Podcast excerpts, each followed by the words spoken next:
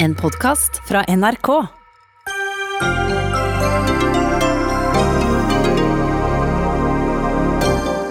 Så ble omsider regjeringen enig med seg selv om hvor den berømmelige iskanten skulle ligge, nemlig ikke så langt unna der den er i dag.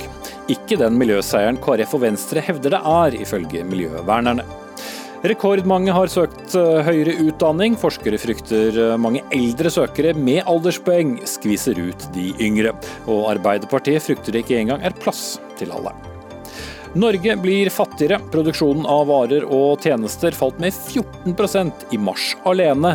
Veien opp igjen er bratt og ikke minst lang. Og den amerikanske delstaten Georgia i USA åpner delvis opp samfunnet igjen i dag, på tross av smittevernsekspertenes råd.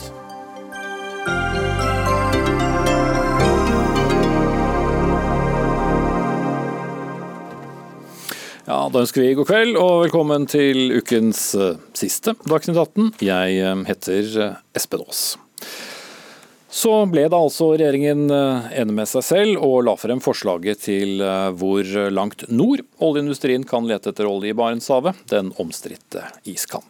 Rådene fra fagfolk med Norsk Polarinstitutt og Havforskningsinstituttet i spissen har vært tydelige. Iskanten må tegnes inn mye lenger sør enn den er i dag, slik at vi tar vare på sårbar natur. Og I motsatt ende er altså olje- og gassindustrien, som ønsker en dynamisk iskant som nærmest tegnes inn på kartet der isen måtte befinne seg. Det vil stort sett bety at iskanten trekker lengre uh, mot uh, Det ville stort sett bety at uh, iskanten ville bli trukket lenger mot nord, hvis den hadde fått den som den vil.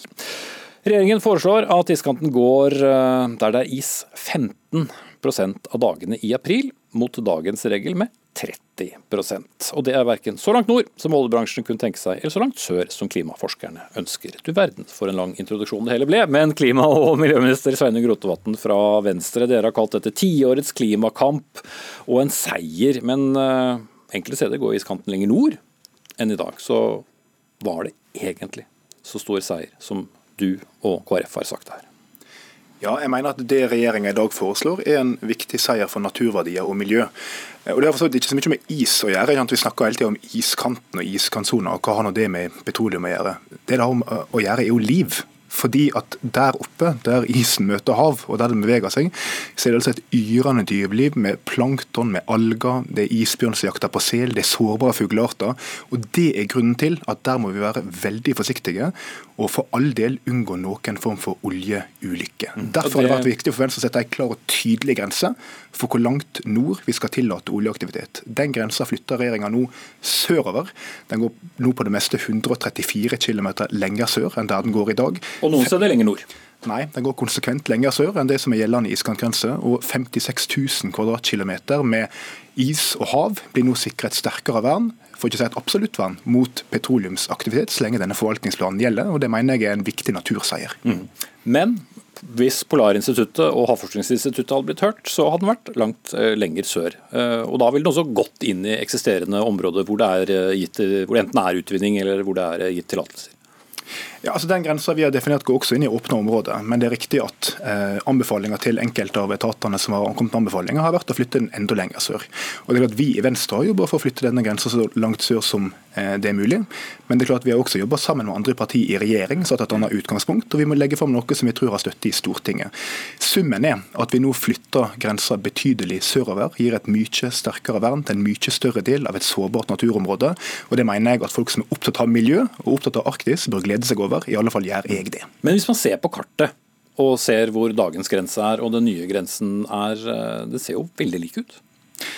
Nei, det gjør ikke det. Men det høres ut som du sammenligner med den grensa som gjaldt i 2011. Eh, den grensa som gjelder for forvaltninga nå, eh, er fra 2015. Derfor er det f.eks. tildelt eh, letelisenser nord for den grensa som gjaldt i 2011. Men selv om det sammenligner med grensa i 2011, så er dette en grense som stort sett går lenger sør, og ikke minst en grense som i betydelig større grad verner om iskantsona. Fordi det som har skjedd siden 2011, det er to ting. Det er at isen har flytta seg nordover og at grensa for petroleumsaktivitet nå er flytta sørover. Men den 2015-grensen, ble den egentlig vedtatt? 2015-grensa ble presentert i en stortingsmelding fra regjeringa som da satt. Stortinget ble aldri enige om de var enige med regjeringa om det. Mm, så den er ikke vedtatt? Eh, ikke vedtatt av Stortinget, men den har gjeldt for forvaltninga. Og grunnen til at du vet det, er at det er tildelt lisenser i tråd med den sier det. Mm. Din forgjenger Ola Elvestuen forholdt seg jo til 2011. Ja, Venstre i Stortinget da mente at den grensa som eh, Høyre-Frp-regjeringa la fram i 2015 var feil. Vi mente at de ikke burde foreslå det, og vi ville holde fast på 2011-grensa. Men den grensa som har blitt praktisert i forvaltninga og petroleumsforvaltninga siden det, er 2015-grensa. Det er det som blir presentert i stortingsmeldinga som ligger til grunn for forvaltninga, med mindre Stortinget mener noe annet. Men dette er jo grunnen til at det har vært så viktig for Venstre at vi gjennom regjeringserklæringa nå, og det vi i dag legger fram, markerer ei tydelig grense uten unntak for første gang og den er lenger sør enn noensinne. Og Det er en viktig seier for naturen. Mm. En viktig seier for eh, naturen. Silje Ask Lundberg, leder i Naturvernforbundet. Hvordan eh, har du feiret? Nei, du, det her har jeg ikke feira i det hele tatt. Og det kan jeg virkelig ikke forstå at noen som er opptatt av miljø eller klima, kan tenke seg å gjøre. Her hadde regjeringa sjansen til å faktisk lytte til kunnskapen og lytte til de miljøvitenskapelige rådene de hadde fått. Men istedenfor så har de nok en gang gjort knefall for oljeindustrien og lar oljeinteressene diktere hvordan det er vi skal forvalte havmiljøene våre. Og jeg synes Det er direkte oppsiktsvekkende å, å, høre på den bortforklaringa som Sveinung Rotevatn kommer med, for det er en bortforklaring, det er ikke noe annet. Så det er ikke bedre? Nei, altså sånn som det Utfordringa her, for all del, det har vært masse ulike definisjoner av iskanten og iskantgrensen i altfor mange år gjennom ulike regjeringer. Og Derfor var jo noe av det som man skulle få fram nå med forvaltningsplanen, var en faktisk oppdatert og omforent grense basert på miljøvitenskapelige råd. Det har man ikke gjort. Det som regjeringa nå istedenfor har gjort, de fikk rådene. De fikk rådene fra Havforskningsinstituttet, fra Polarinstituttet, fra noen av våre fremste haveksperter på hvordan isen og havmiljøet er, hvor de sårbare verdiene er, og hvordan man best da burde avgrense det for å ta vare på det. Men så passer ikke det helt overens da, med den oljepolitikken som man har kjørt, hvor man har overkjørt alle miljøfaglige råd, så langt med Erna som statsminister. Okay. Så da tok man istedenfor å bare lage sin egen grense på 15% som ikke har noe miljøvitenskapelig forankring, og det er vanvittig. Var det på noe tidspunkt fristende å si at det var et nederlag og et kompromiss? Ja, Vi sier jo at det er et kompromiss. Ja, ja, Det sier vi alle sammen. Det er jo helt opplagt at det er fordi vi er en koalisjonsregjering, og vi er også en mindretallsregjering som har funnet flertall i Stortinget. Men seier for naturen, sier du i en video i dag? Ja, og det sier jeg også her. Eh, og det er fordi, og det her vil jeg anta at Silje Lundberg og Naturvernforbundet er enig i, det er at vi nå har fått den tydeligste og klareste definisjonen av iskanten noensinne. At den går lenger sør enn noensinne, og at større deler av iskantsona er sikra et vern mot petroleumsinnvinning enn noensinne. Jeg tror ikke Naturvernforbundet er uenig i noe av det, for alt det er sant. Mm. Og Hvis de mener at det ikke er bra for naturen, da skjønner ikke jeg helt. Mm. Svar kort på det, Lundberg, før vi skal ta inn eh, andre deltakere. Jeg kan svare med Oljedirektoratet sine egne ord. og det er at eh, det her er praktisk politikk sånn som det er i dag. Det blir ingen forskjell fra sånn som det er i dag. Det sier Oljedirektoratet sjøl. Sånn at jeg skulle drive og slå seg på brystet og si at det her er en miljøseier, det er altså det, det ja, jeg blir så oppgitt og regelrett sur over det at det er vanskelig å finne riktige ord. Ok, eh, Jon Georg Dale fra Fremskrittspartiet. Dere har jo vært på samme side som oljenæringen og ønsket en iskant som er mer dynamisk og, og ligger som det heter på fint, og ligger lenger eh, nord. Var det et nederlag for oljenæringen i dag? Nei, det er i hvert fall uh, antagelig verken det eller en uh, stor opptur. Jeg mener regjeringa burde ha brukt uh, denne anledninga til å skape stor ro for oljeindustrien i en ekstremt krevende situasjon. Du har fått forutsigbarhet, da? Ja, det har en gjort, men en har ikke fått tilgang til nye leteareal, slik Fremskrittspartiet og oljeindustrien og Oljedirektoratet har tatt til orde for. Men jeg mener jo likevel at det regjeringa legger fram i dag, er bedre enn jeg frykta bare for få dager siden. Venstre sitt gjennomslag er mindre enn de prøvde å gi uttrykk av før forslaget kom. Og Det er bra for oljebransjen, og ikke minst for alle de titusenvis av arbeidstakerne som jobber i den bransjen. Mm. Så du gir tommel opp, og Fremskrittspartiet kommer ikke til å felle regjeringen på dette? Ja, det er i hvert fall et eh, vesentlig bedre utgangspunkt for forhandlinger med Fremskrittspartiet enn det som de la opp til for få dager siden, og det som var signalene. Så jeg er glad for at statsministeren på pressekonferansen i dag sa at de vil først søke vår støtte i Stortinget. Det gjør at vi samla sett kan se på de rammevilkårene som olje- og gassindustrien har nå og skal ha i åra framover, og komme med forbedringer, sånn at vi fortsatt klarer å ha en lønnsom olje- og gassindustri i Norge, og med det trygge titusenvis av arbeidsplasser. Mm. Var det en omfavnende klem fra Fremskrittspartiet du hørte her, Lars Haltbrekken fra SV? Det er ikke noe tvil om at Fremskrittspartiet forholder seg til fakta i eh, denne saken, i motsetning til klima- og miljøministeren. Dette var et gigantisk nederlag for eh, miljøet. Regjeringa tillater nå risikofylt uh, oljevirksomhet i noen av våre mest sårbare og verdifulle havområder. De overkjører også rått og brutalt de klare miljøfaglige rådene de har fått fra Polarinstituttet, fra Havforskningsinstituttet, fra Miljødirektoratet. Og finne opp sin egen iskantgrense. Og det er helt feil det Rotevatn eh, sier om at man trekker grensa eh, sørover sammenlignet med dagens iskant. Den iskanten som eh, regjeringa legger fram nå, er mer eller mindre identisk med den som er gjeldende. Den som Rotevatn viser til fra 2015, nekta Stortinget å godta, inkludert Venstre. Og man sendte hele saken i retur til regjeringa og ba dem uh, gjøre jobben på nytt. Mm, daværende, daværende, leder av energi- og miljøkomiteen, senere klima- og miljøminister fra Venstre, Ola Elvestuen, han sa da at den iskantgrensa som gjelder, er den fra 2011, mm, ja. og den er mer eller mindre nøyaktig lik den som uh, Rotevatn har lagt ja, fram. Parallellen til Elvesund Elvestuen over så Men er du fortsatt uenig i at det er uh, påfallende likhet mellom 2011 og 2020-grensen? Det er ikke jeg uenig i, selv om 2020-grensa går lenger sør og gir et større vern av eh, Så det er litt status quo, da, men med, mange prosentandeler nei, og forklaringer nei, nei, nei, det, det, er ikke det. Eh, fordi den grensa som Lars Haltbrekken SV mener gjelder, og som i og for seg burde gjeldt, men som ikke gjør det eh, Grunnen til at du vet at den ikke gjelder, er at det er tildelt oljelisenser nord for den. Så enten så gjelder den ikke, eller så er ikke det ei grense. En av tingene må det være. Mm. Men det vil... Så den er en stortingsvedtatt uh, grense, men som da ikke overholdes fordi man har valgt å forholde seg til et forslag som ikke ble vedtatt i 2015? for å prøve å det greie på dette? Det i seg selv er jo i tilfelle ganske utrolig hvis regjeringa nå viser seg å ha brutt med det som Stortinget vedtok for uh, fem år siden, og bare har styrt etter sin egen grense, som et stort flertall på Stortinget uh, sa nei til. Men vi skal slåss med nebb og klør ja, framover. La oss oppklare akkurat det, da. Altså, Stortingsflertallet, inkludert samarbeidspartnerne til Lars Haltbrekken, Arbeiderpartiet og Senterpartiet, har ikke protestert på at det blir tildelt lisenser nord for den linja som Haltbrekken mener gjelder. Så enten gjelder den ikke, eller så har den ikke vært en reell grense. Det som uansett er tilfellet Hva forholder en regjering seg til? Jeg trodde man forholdt seg til hva som var et vedtak i, i Stortinget. Det som er viktig å forstå her, er at Når du legger fram en definisjon av iskantsona og står i grense, så er det et uttrykk for regjeringas politikk, og det ligger til grunn for forvaltninga, med mindre Stortinget vedtar noe annet. Det gjorde ikke Stortinget i 2015. Men det som er nytt nå, er at den grensa vi nå legger fram, og det opplever jeg at verken SV eller Naturvernforbundet er uenig i, det er punkt én, den tydeligste grensa vi har hatt noen gang. Den er absolutt, uten antøk. Punkt to, den går lenger sør enn noen gang.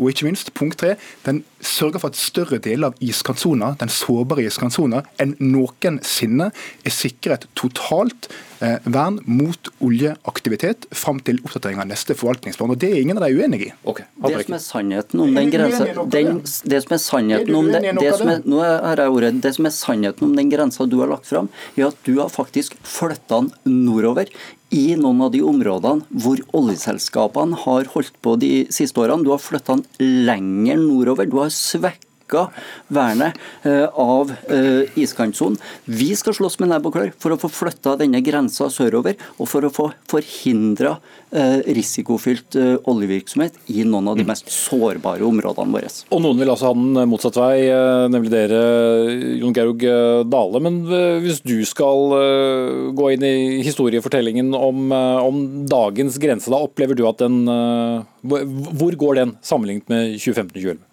Nei, Det er jo ingen tvil om at denne grensa som regjeringa i dag foreslår, minner veldig om den grensa som har ligget fast siden stortingsbehandlinga i 2011.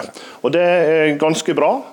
Eh, fordi at eh, Utgangspunktet har vært at vi må sikre forutsigbarhet for industrien. Det gjør vi delvis. Men vi, vi mener jo at det er åpenbart at med den situasjonen som olje- og gassindustrien og hele Norge er i nå, så ser vi jo hvor viktig denne næringa har vært i flerfoldige tiår allerede, og hvor viktig den er også fortsatt.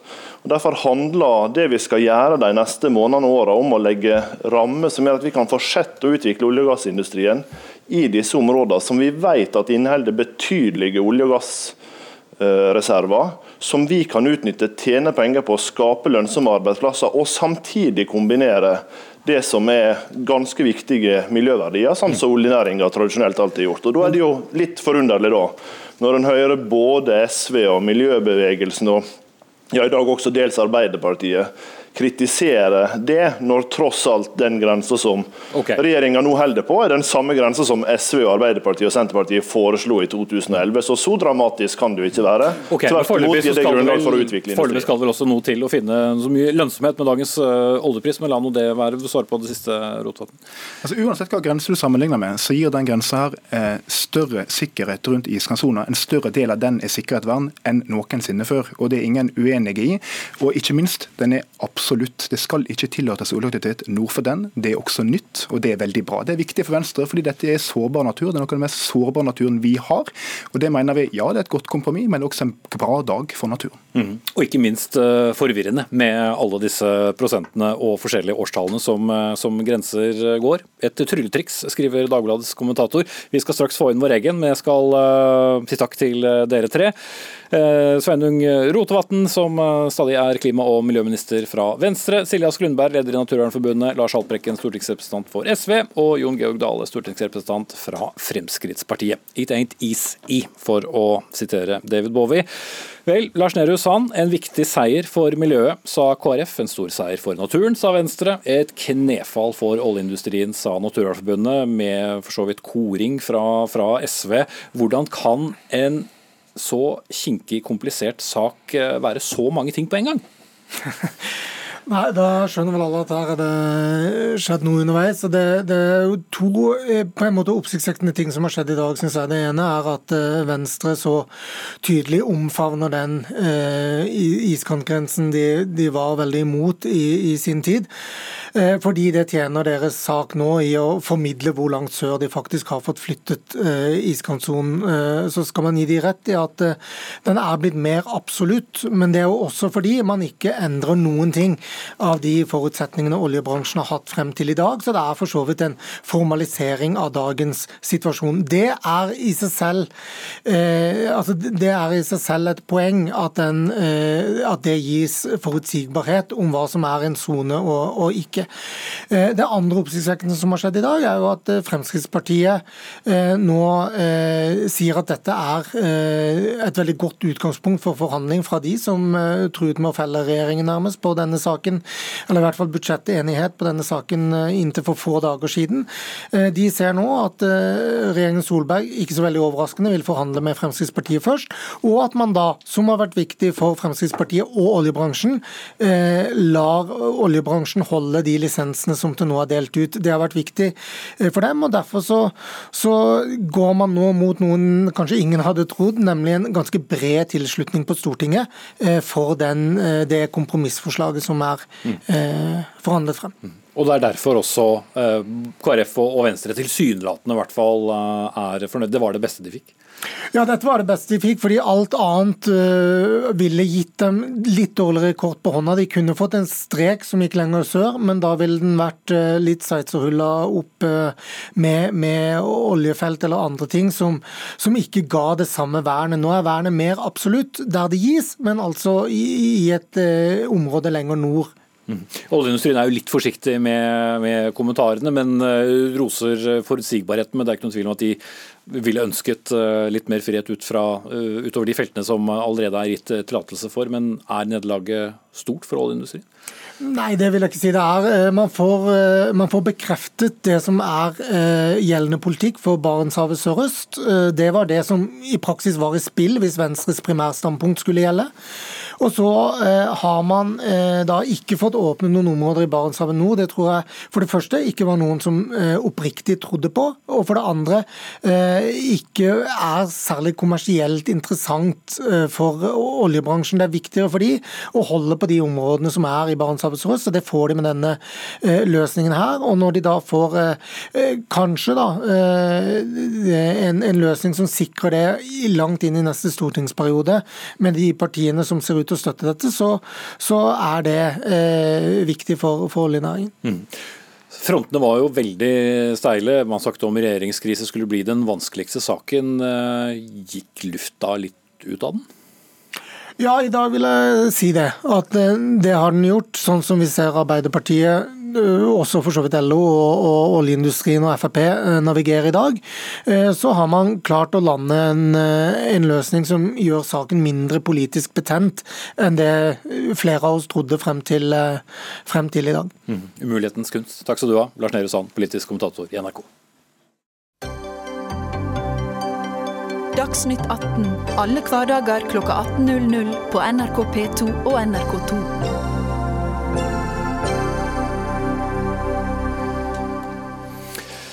Men det har ikke bare handlet om iskant i dag, altså. For 150 000 personer har faktisk søkt opptak til universiteter og høyskoler gjennom det som heter Samordna opptak, og det er en økning på 8 8,7% det sammenlignet med fjoråret. Det er mange som eh, vil utdanne seg i en eh, krisetid. Nina Sandberg, eh, stortingsrepresentant fra Arbeiderpartiet og medlem av utdannings- og forskningskomiteen. Du har sagt i dag at du er bekymret for om det er nok plasser til alle som vil ha høyere utdanning. Hvor kommer denne frykten fra? Jo, Først så er det jo veldig bra at så mange søker seg til høyere utdanning. Fordi at Det er bra både for den enkelte å bruke denne tida med økonomisk nedgang og usikkerhet med å bygge kompetanse, men det er også veldig bra for samfunnet. Det er sikkert alle enig i. Ja.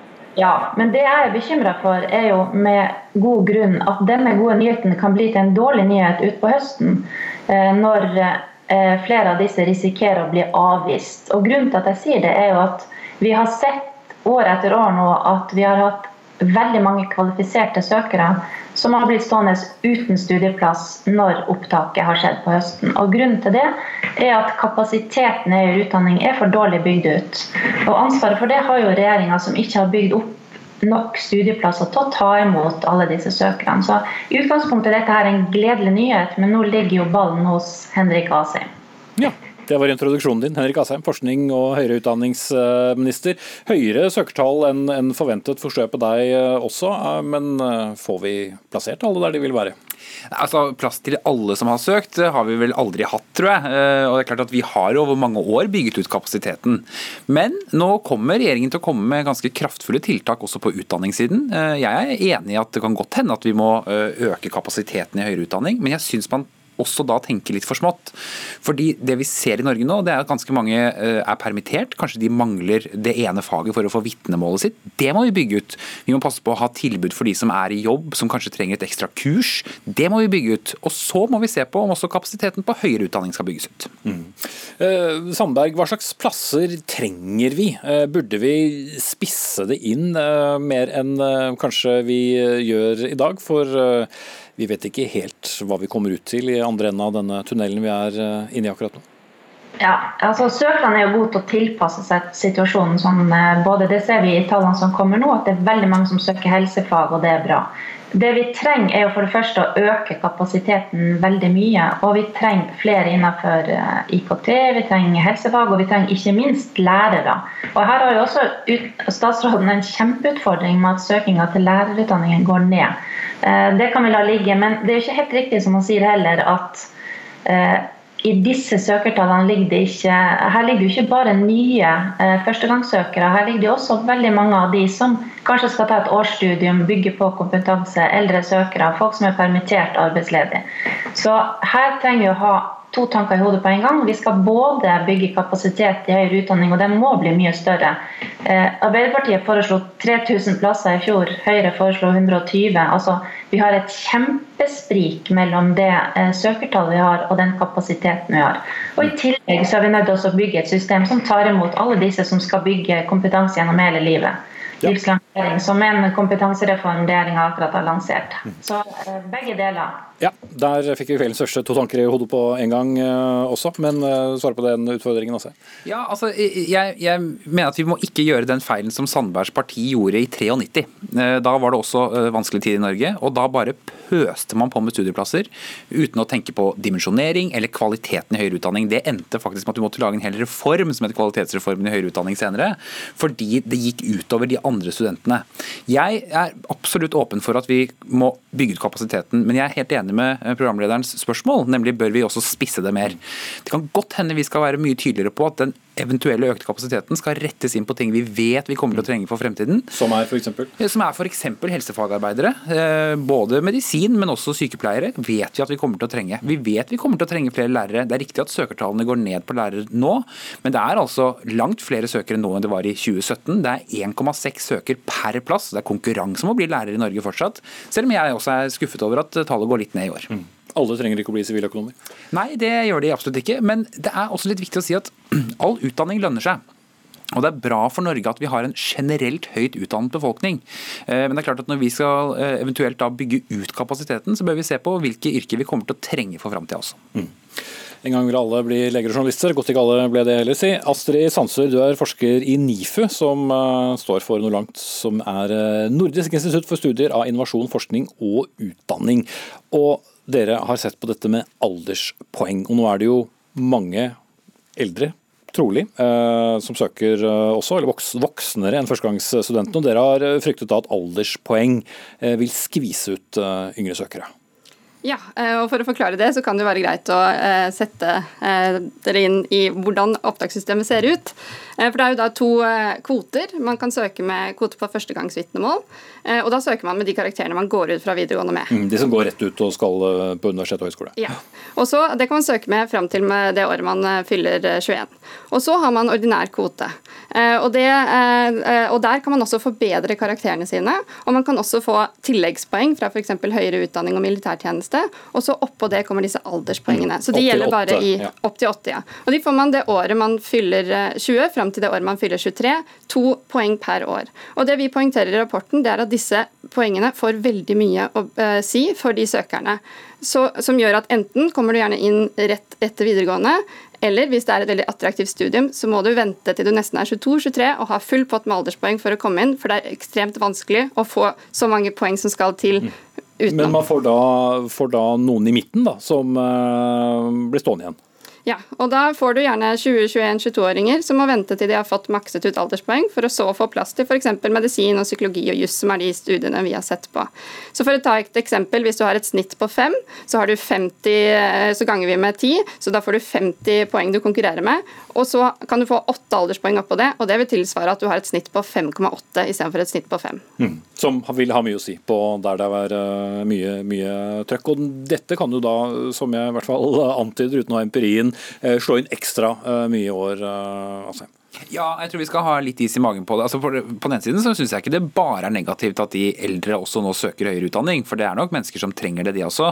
Eh, det andre er at vi har Men har denne plassen, da, hvis det er ja. så så mange plasser, og ja. så vil du da kanskje få noen generasjoner som står lenger bak i køen nettopp i år enn tidligere? Ja, men, men altså veksten i søkertall, så er det jo tre, litt over 3000 flere av de som er 18 og 19 år som har søkt, og så er veksten på de mellom 30 og 50 pluss, det er 2700. Så vi må, vi må bare ha de tallene med oss. at veksten er også størst blant de yngste søkerne. Og Så har vi en mekanisme inne for å håndtere noe av dette, og det er det som kalles for da eh, førstegangsvitnemål. Altså De som er mellom 18-19 eh, år og 21, de kan for halvparten av plassene bli på en måte reservert til dem. Så de kommer inn. Og Så kan de konkurrere på alle de andre plassene, og der kommer tilleggspoengene inn og begynner å spille en rolle. Men når det er sagt, så er det jo sånn at den rapporten som Nifos har laget, går jo gjennom alle disse tilleggspoengene, og det har jammen blitt mange av dem etter hvert. Eh, og det er all grunn til å diskutere også politisk hva vi skal gjøre med dem på sikt, men da tror jeg vi skal se på alle sammen, istedenfor å bryte ut ett og ett tilleggspoeng, og så se hva vi syns om akkurat det tilleggspoenget. Mm. Neppe anbefale backpacking eh, på, på kontinentet i disse tider, eh, i alle fall. Men eh, hvor stort utslag kan det da faktisk eh, gjøre, Sanser? For det, noen mener jo at vi bør fjerne alderspoengene. Altså, eh, Det kan jo ha store utslag selv om eh, N er liten, altså det ikke er så mange av disse eldre søkerne. Så er det jo sånn at hver av de søkerne gjerne er eldre og kan ha da full pott med alderspoeng og kan utkonkurrere en yngre søker som i vanlige tider kunne ha fått den plassen. Og Da må vi også være litt bekymret for at dette er uvanlige tider, som kan være at selv om noen søker takker ja til plassen og møter opp til studiet til høsten, så betyr jo ikke det nødvendigvis at når tidene blir litt mer normale igjen, eh, at de fortsetter på det studiet. Så du kan få en situasjon der veldig mange eh, studenter tar opp plasser som de ikke nødvendigvis da fullfører i andre enden, som også kan være et argument for å kanskje utvide antallet studieplasser, i hvert fall nå i høst. Mm. Sandberg og Arbeiderpartiet. Ja, eh, artig at han nevnte 93. Jeg var utdanningsforsker på NIFU den gangen og studerte faktisk den eksplosjonen av søkere. og Det vi så var jo at på sikt så lønner det seg å ha høyere utdanning uansett. Eh, men det han skal, Asim skal være oppmerksom på, er de som eh, blir avvist, og som ikke får plass. Eh, de har en større risiko på arbeidsmarkedet for å komme i en usikker posisjon. Så jeg mener at Arbeiderpartiet mener at du må rigge et utdanningssystem som både har plass for førstegangssøkerne, og du må rigge det om sånn at du får flere og flere av de eldre inn og kan ha dem på kortere eller lengre utdanninger. For sånn er utdanningssystemet nødt til å bli framover, særlig hvis Høyre skal klare å realisere denne kompetansereformen sin. Altså. Men, men det, det, det, er det jeg forsøkte å si at det er jo det vi har, i denne forstand at vi har delt studieplassen i to, hvor halvparten er til førstegangsvitnemål, og den andre halvparten er til da uh, fri konkurranse for alle.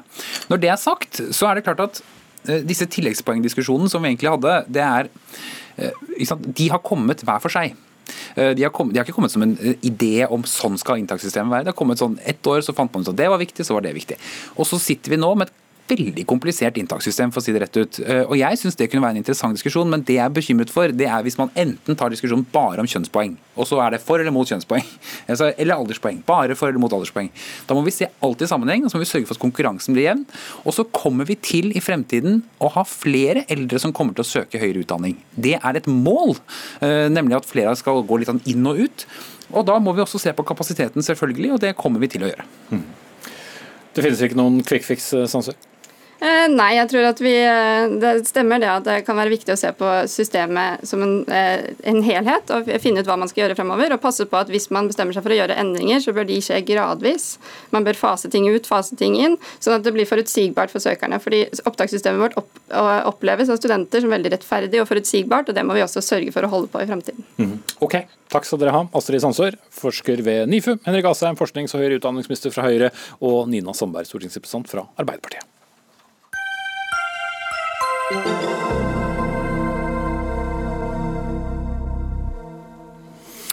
dag starter ramadan. Senere i sendingen skal vi diskutere om de 200 000 fastende muslimene i Norge burde få drikke vann, rett og slett for å forebygge smitte.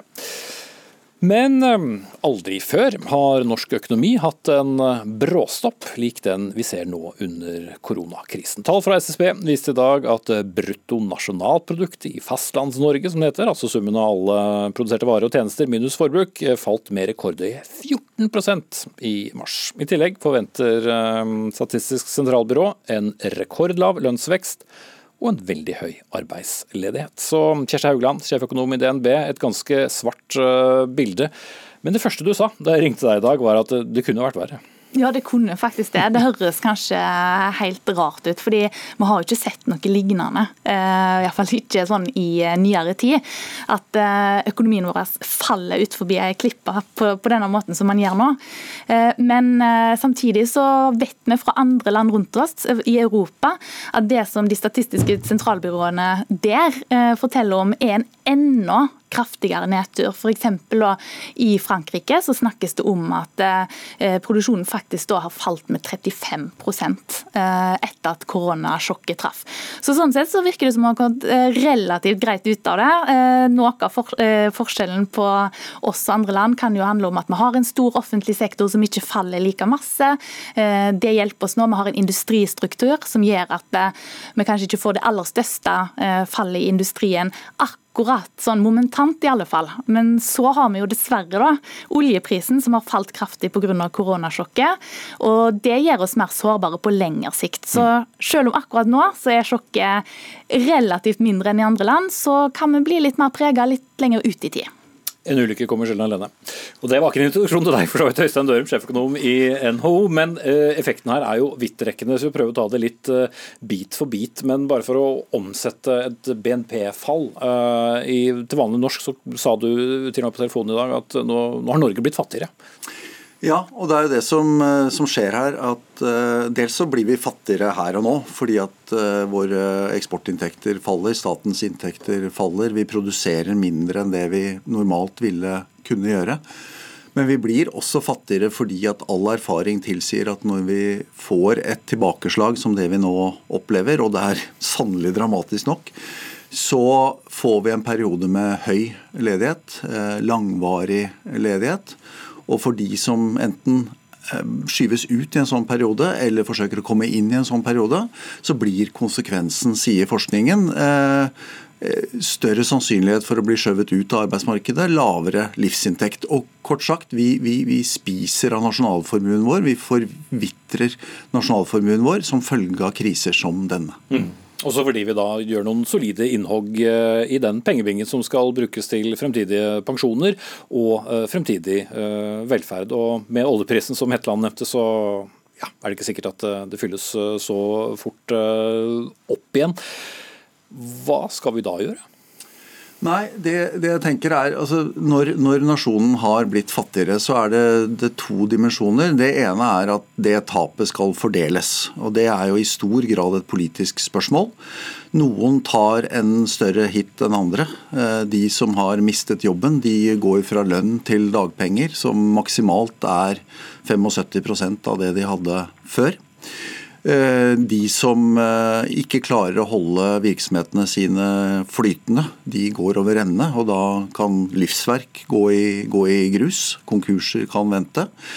Og så vil jo, som du også er inne på, så vil jo det at eh, staten tjener mindre, oljefondet blir mindre, vil gå utover den velferden vi har, kan unne oss senere. Og det påvirker de som er avhengig av den velferden. Hva vi skal gjøre? Eh, her finnes jo ikke noen quick fixes på noen som helst, helst måte. Jeg har sagt i andre sammenhenger at når vi har blitt fattigere, så blir det enda viktigere enn før og, og, jobbe smart for å ha høyest mulig verdiskaping. Altså tenke på hva var det som gjorde oss rike i utgangspunktet. Vi lot markedet virke, vi var en åpen økonomi. Vi har vært en inkluderende, tillitsbasert, samarbeidsorientert økonomi. Vi har hatt en god arbeidsdeling mellom privat og offentlig sektor. Mange sånne ting blir enda viktigere nå. Og så må vi raskest mulig tilbake til en eller annen eh, normal. Altså få fart på etterspørselen, aktiviteten, og få ledigheten så fort som mulig ned igjen. Men det var eh, det, da, eh, Hægeland. Og eh, får vi nå også et, eh, et sånn skarpere skille for de som først og fremst nå mister jobb, eller i hvert fall um, permitteres, er jo folk i privat sektor, mens offentlig sektor eh, går noenlunde hvert fall eh, videre som normalt. Så her må det vel bli et mye tydeligere skille? Ja, nå er Det jo sånn at det er nettopp derfor eh, det blir satt inn store tiltak. Og eh, det er jo rett og rimelig nå at det er staten, eh, altså det er samfunnet som tar kostnaden. For det, det er helsekrisa som har truffet oss. Det er ikke bedriftene sin skyld, det er ikke disse folka som har mista jobben sin skyld, dette her. Det er rett og slett noe som har truffet utenfor. Alle er uforskyldte. Dette er en naturlig situasjon der staten skal steppe inn. Og Derfor så er det jo bra nå at vi har ordninger som er gunstigere enn vanlig for de som da eh, er blitt arbeidsledige, så får vi håpe at så mange som mulig av dem eh, kommer fort tilbake i jobb. Eh, sånn at permitteringene blir midlertidige. Det er jo det, det som er eh, utgangspunktet, det som politikerne har ønska. Mm. Så er det klart at offentlig sektor ja, de kommer relativt uforstyrra gjennom dette, her, men når lønnsoppgjøret kommer, så, både, altså, så, regner jeg veldig med at dette her blir ikke et år med et fett, fett lønnsoppgjør. Tvert imot. Eh, det blir nok eh, lite tillegg i år. og det vil òg eh, gå inn på offentlig sektor, som da vil, da vil følge malen for samfunnet ellers. for industrien, som ikke kan unna seg noe særlig med lønnspålegg i år. Det er i hvert fall det som eh, er den eh, vanlige måten å gjøre det på, at industrien går foran. Men vi har helsearbeidere og mange som gir en helt ekstraordinær eh, innsats eh, i år. Dere, du som representerer det private, Øystein Dørum, skal for så vidt ikke forutsi hvordan oppgjøret som sådan går, men det er vel også en, en reell fare for at i hvert fall deler av offentlig sektor vil mene at de faktisk fortjener et klekkelig oppgjør i år, selv om det industrien ikke kan forvente seg sammen. De som har stått på litt ekstra nå, de tenker nok sikkert med en slags rett at de fortjener et godt oppgjør. Og da skal ikke jeg føre lønnsforhandlinger her i, i, studio, men mer peke på at vi har hatt en modell i mange år, frontfagsmodellen, hvor de som har skoa på, industrien, har satt rammene for lønnsveksten ellers i økonomien. Sånn at de kan konkurrere på markedene ute med sine varer og tjenester, men også konkurrere om arbeidskraft her hjemme. Og Det som ville være helt feil i en sånn situasjon som vi er i nå, det ville være om lønnsveksten i skjermet sektor med offentlig sektor i spissen løp løpsk, Og så fikk vi en enda større offentlig sektor. Og så fikk vi en mindre konkurranseutsatt sektor som skal bidra med den verdiskapingen, som skal finansiere skatteinntekter, som i neste runde skal finansiere den velferden vi er avhengig av. Så, så som sagt, jeg skal ikke gå inn på hva nøyaktig hva norsk økonomi tåler, eller hva industrien tåler. Men eh, det vil være veldig galt å forlate den modellen vi har, nettopp når vi trenger den aller mest. Mm. Så vil jeg bare helt til slutt komme inn på en sak som bl.a. prydet forsiden av Dagens Næringsliv i dag, nemlig eh, den store usikkerheten rundt boligprisene fremover. Fordi at Når så mange mennesker ikke jobber og ikke får økt kjøpekraft, så er det mange som ikke går av gårde og kjøper bolig heller. Hva, hva tror DNB om uh, boligmarkedet fremover? Vi jobber med prognoser nå, uh, både for internasjonal og norsk økonomi, inkludert boligpriser. Så vi har ikke kommet frem til vår konklusjon situasjon ennå. Eh, jeg registrerer at eh, SSB i dag legger fram eh, et syn på at boligprisene kommer til å falle med 2% i år. Så Det er jo et ganske beskjedent boligprisfall. Og Det er jo sånn at det er forskjellige ting som virker i forskjellig retning her. Ja, høyere arbeidsledighet i den omfanget som vi nå ser, og da svake lønnsoppgjør som vi kan forvente oss. Dårlig utvikling i kjøpekraften. Modellene som er ganske sånn statiske og kanskje ikke alltid fanger opp virkeligheten virkeligheten så godt, de vil nok nå eh, pekt på et ganske bratt boligprisfall. Eh, men samtidig så har vi en situasjon der da nettopp det offentlige gjør alt de kan for å holde samfunnet gående, for å holde kompensasjonen til arbeidere oppe i denne veldig spesielle situasjonen. Og så har vi fått rentekutt fra Norges Bank.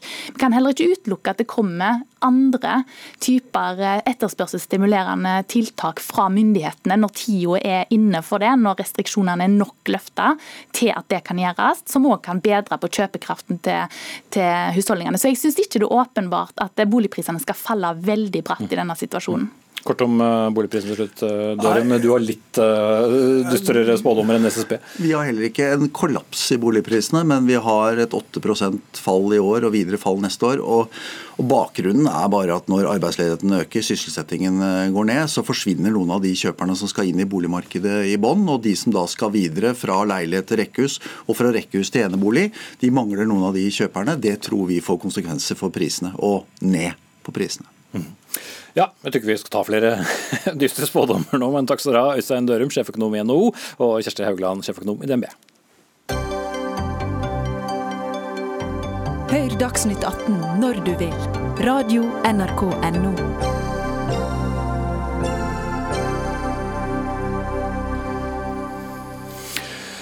I dag starter ramadan, og det betyr at mange av Norges 200 000 muslimer skal avstå fra mat og drikke fra soloppgang til solnedgang. Men professor i medisin ved Universitetet i Oslo og immunolog Anne Spurkland, eh, du mener det er klokt å avstå fra forbudet mot å drikke vann under denne fasten. Hvorfor denne oppfordringen? Fordi at um vi er i en helt spesiell situasjon med dette nye viruset, covid-19, som ingen av oss egentlig er immune for. Og en viktig del av forsvarsmekanismen, av, en del av immunforsvaret, det starter i luftveiene i, eh, på slimhinnen. Og der har vi en interessant og viktig mekanisme som handler om å Uh, frakte slimet oppover til svelget. Så Når vi får bakterier og støv ned i luftveiene, så vil det feste seg i slimet, og så viftes det opp igjen. Og um, det, Vi vet jo ikke, for covid-19 er så nytt, men det er grunn til å tro at uh, denne transporten er viktig også for virusinfeksjoner. og Hvis man ikke drikker gjennom en hel dag, og særlig nå som det er så lange fastetider uh, fordi vi er jo på vei mot sommer, så tenker jeg at akkurat i år så hvis jeg hadde vært muslim, så hadde jeg nok drukket. Selv om, det, selv om jeg vet at det er imot fastereglene. Mm. Men bare for at det, det er ikke sånn at vann er noen vidunderkur mot uh, å bli smittet nei, av korona? Hvis noen skulle tro det. Absolutt ikke. Det er for å passe på væskebalansen i kroppen. Mm. Og, mm. Mm.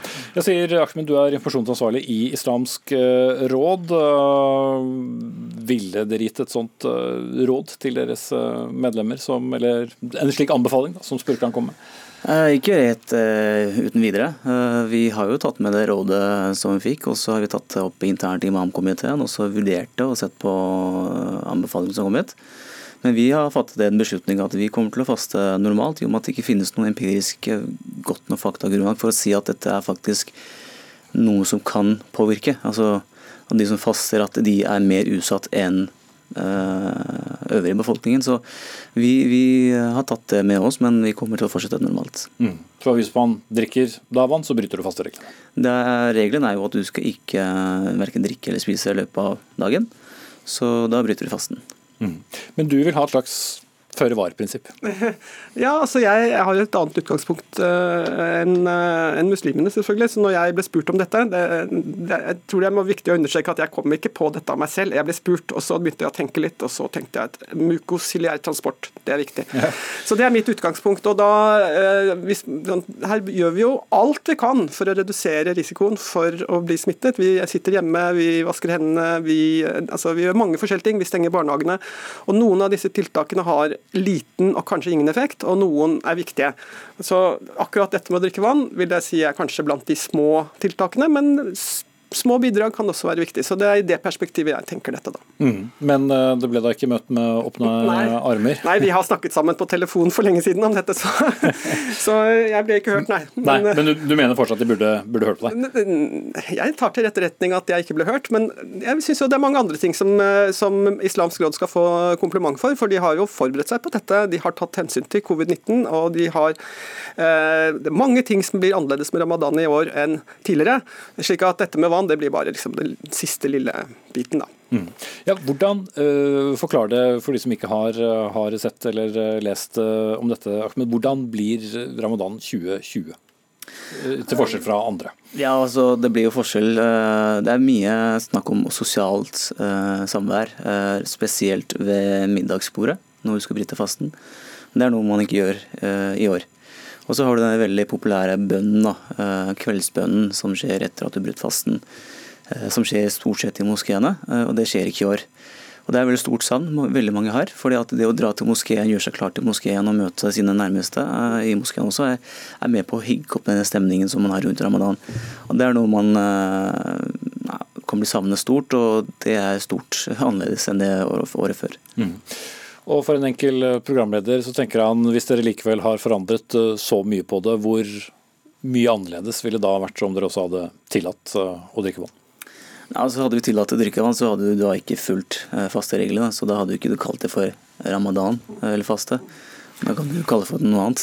Ellers så kan jeg jo også føye til at det er jo mer med fasten enn vann. Det er også faktisk å ikke spise i løpet av dagen. Og det er, kan man kalle ja, altså Intimiterende faste er et fint ord for det. Altså, det at man ikke spiser hele tiden, men venter og spiser bare en eh, tidspunkt på dagen, det, det ser jeg veldig positivt på. Altså, det er mange gode ting ved det, og det er til og med blitt en motediett å faste delvis. Uh, og, så, det, så det, er bra? Det er absolutt bra. så Det kan godt tenkes at, at det å faste i løpet av ramadan, uh, summa summarum, at det faktisk er heldig. Det vet vi jo ikke, for det er ingen som har undersøkt. og Covid-19 er helt nytt. Mm. Kanskje du kunne oppfordre norske folk til å begynne å faste? Da, for det, det er så farlig. I hvert fall hvis vi får vite hva, hvordan ramadan eh, slår ut. Så, så, jeg har tenkt, og jeg har faktisk også, eh, siden dette spørsmålet har kommet opp, og jeg har tenkt på det en stund, så har jeg tenkt at dette må vi vite mer om. Så jeg har gjort to ting.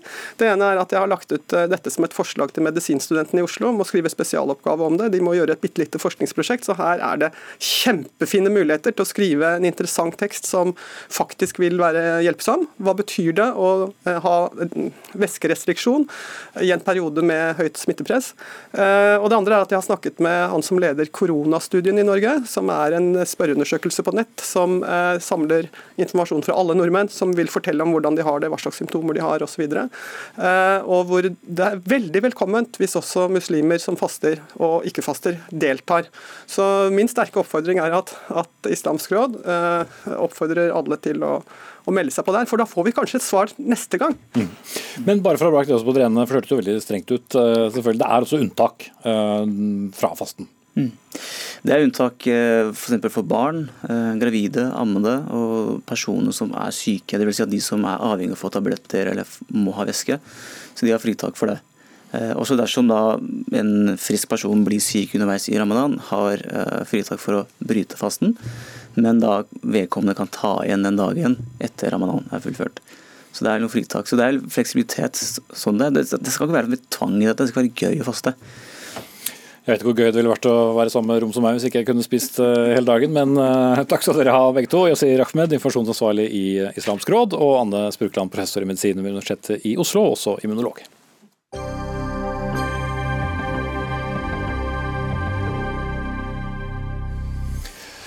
Med våpen over eh, skulderen og også skuddsikre vester, så har vi mange sett eh, både fotografier og TV-bilder fra mange steder i USA hvor eh, folk demonstrerer mot nedstengningen av samfunnet og de inngripende smitteverntiltakene i det amerikanske samfunnet.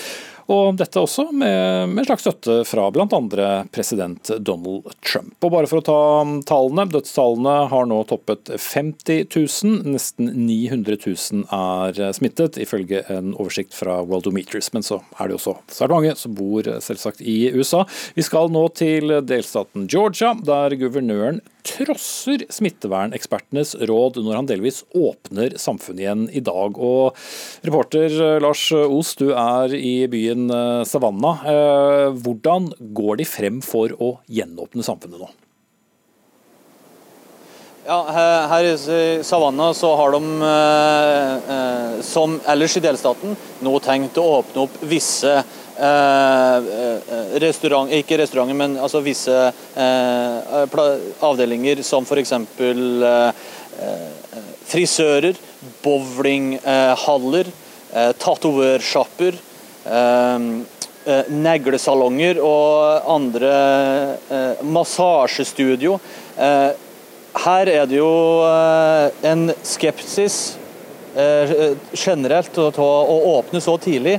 Og eh, jeg står nå midt, midt, i eh, det som egentlig er hovedgata i Savannah. Det er ganske tomt, det er ikke så veldig mye folk her.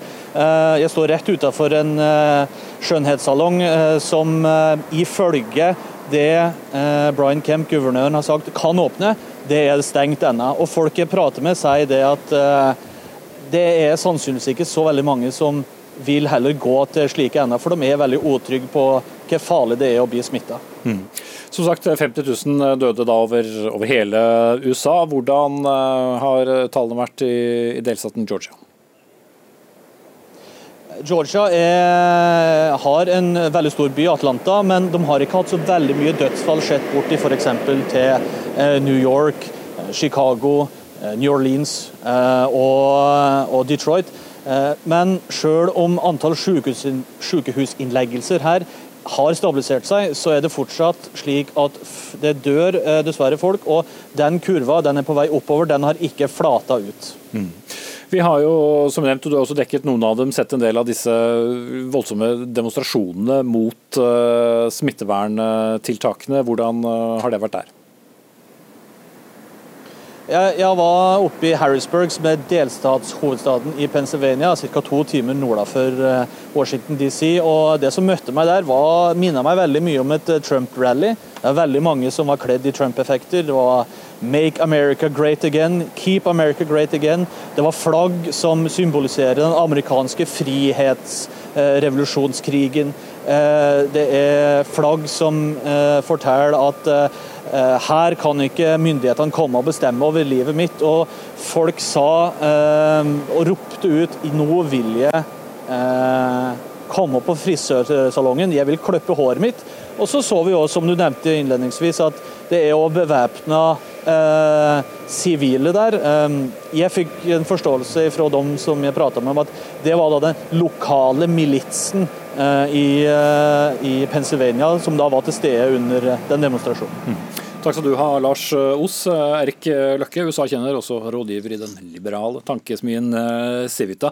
Det er altså tre stater, Georgia, Tennessee og Utah, som tar de første stegene mot gjenåpning. Er det tilfeldig? Nei, det er nok ikke helt tilfeldig. Det er jo konservative eh, delstater. Og du har både et økonomisk og et politisk press for å åpne igjen. Eh, hvor lurt det er, det hørte vi jo her fra, fra rapporten i USA at det er det jo delte meninger om. Det vil si at eh, De medisinske rådene er jo at det burde man ikke gjøre. Og Man skal jo også huske på at eh, Georgia er en delstat som har testa veldig få. Jeg tror at han er på rundt 1% Og av de som er testa, så er det 22-23% tror jeg, som faktisk er positive. Eh, så det taler veldig for at de burde vært mye mer forsiktige enn det de er. Og en av forutsetningene som veldig mange sier for at man skal kunne åpne opp igjen sånn, er at man har testsystem på plass. og Det har ikke disse delstatene. Det har i det hele tatt USA ikke i det hele tatt foreløpig. Mm. Så dette kan vise seg å være litt av et eksperiment?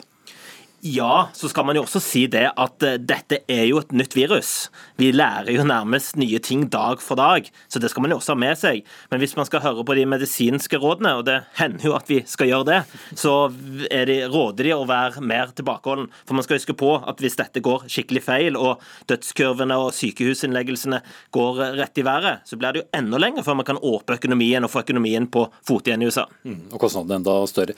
Men uh, disse demonstrantene da, som vi har hørt og sett Eh, en del til den siste tiden. Hvor, hvor, stor og viktig faktor er det egentlig? Er det yndede objekter for, for pressefolk som eh, vil ha noe mer å rapportere hjem, eller er det en bevegelse vi ser? Jeg vil si at det er begge deler. Altså Det store flertallet av amerikanere, det viser jo alle meningsmålinger, de støtter jo disse tiltakene, også eh, republikanere. Selv om støtten blant republikanere i noen målinger har falt litt over tid, og det er jo ikke så rart. altså Mennesker er sosiale dyr. Vi liker ikke å være innestengt, og særlig blant veldig mange amerikanere som føler at eh, dette er en myndighetsnedstengt eh, lockdown. Samtidig, og, og, det er jo en interessant rapportering fra bl.a. New York Times, som har prøvd å se hvem er det som finansierer disse. Og da finner de at det er et mønster her av sterke konservative donorer som bl.a. var involvert i eh, Tea Party, for de som husker Tea Party-bevegelsen. Og Det mest interessante med, med, dette fenomenet eller disse protestene, det er jo at det kan gi en lite pekepinn av hva vi kan vente fremover. For Hvis denne lockdownen varer, så kan vi se at dette brer seg eh, mer og mer. Og Da er det interessant å se om det står en organisasjon bak og kommer til å, å helle mer penger inn i denne bevegelsen og protestene. Mm. Og ville bruke den politisk. Ja, absolutt. Eh, nå er jo president Trump litt både fram og tilbake. Han eh, sa jo på tirsdag at han eh, omtalte guvernøren i Georgia, Kemp, som en fornuftig fyr, og at det var mye bra med han. På onsdag så sa han at han var sterkt uenig med planene til Kemp, så han prøver å ri to hester samtidig. Så kan man jo også tenke at mange av disse konservative støttespillerne til disse protestene har jo egeninteresse i å få åpna økonomien igjen. De taper penger slik som de aller fleste i USA gjør, gjør, eh, for tiden. Nå rammer det jo mye mer de som har, har minst fra før. Eh, så, sånn sett så skulle man tro at de rikeste i USA har mer, mer, å gå på, men de har jo politiske interesser i å få åpna USA så fort som mulig. Mm. Og som Lars Os poengterte fra Savannah, så er det mange av disse demonstrantene som da har ikledd seg mye, mye Trump-effekter. Hvordan skal han forholde seg til noen som er veldig for ham, men samtidig demonstrerer mot de tiltakene han innfører. Det er jo litt av det jeg sa tidligere, at Trump prøver å ri to hester, og han hopper jo frem og tilbake hele veien. Altså Han sitter jo, eller han eh, står som regel på disse pressekonferansene og sier hvor viktig det er og Det er nærmest når han har fått dette skriptet, altså når han leser fra noen som det ser ut som andre har skrevet. da. Det er viktig med alle disse medisinske tiltakene, eh, eh, social distancing, alle disse tingene. Og så begynner han å gå litt off script, og så sier han jo eh, forskjellige ting, bl.a. det siste her med, med medisinske eksperiment, eh, som, som han sikkert har hørt i løpet av dagen. Og så holder han jo også på med sin eh, sedvanlige tvitring, hvor han da sa 'liberate Minnesota', 'liberate Michigan', 'liberate Virginia', og sågar henviste til Second Amendment. og det er jo en slags sånn der uh, henvisning til uh, disse demonstrantene. Så han prøver jo å, å, å støtte dem litt, samtidig som han også prøver å være president deler av tiden. Mm. Det blir spennende å se hvordan det går uh, i disse tre delstatene, og om det vil være flere som, som følger etter. Takk skal du ha, Erik Løkke, USA-kjenner og rådgiver i den liberale tankesmien Civita. Og vi, folk, vi er ved veis ende denne uken. Ansvarlig for sendingen var Anne Katrine Førli. Teknisk ansvarlig Lisbeth Sellereite. Jeg heter uh, Espen Aas, og om bare noen få døgn så er vi klar med en ny uke med sendinger. Takk for nå.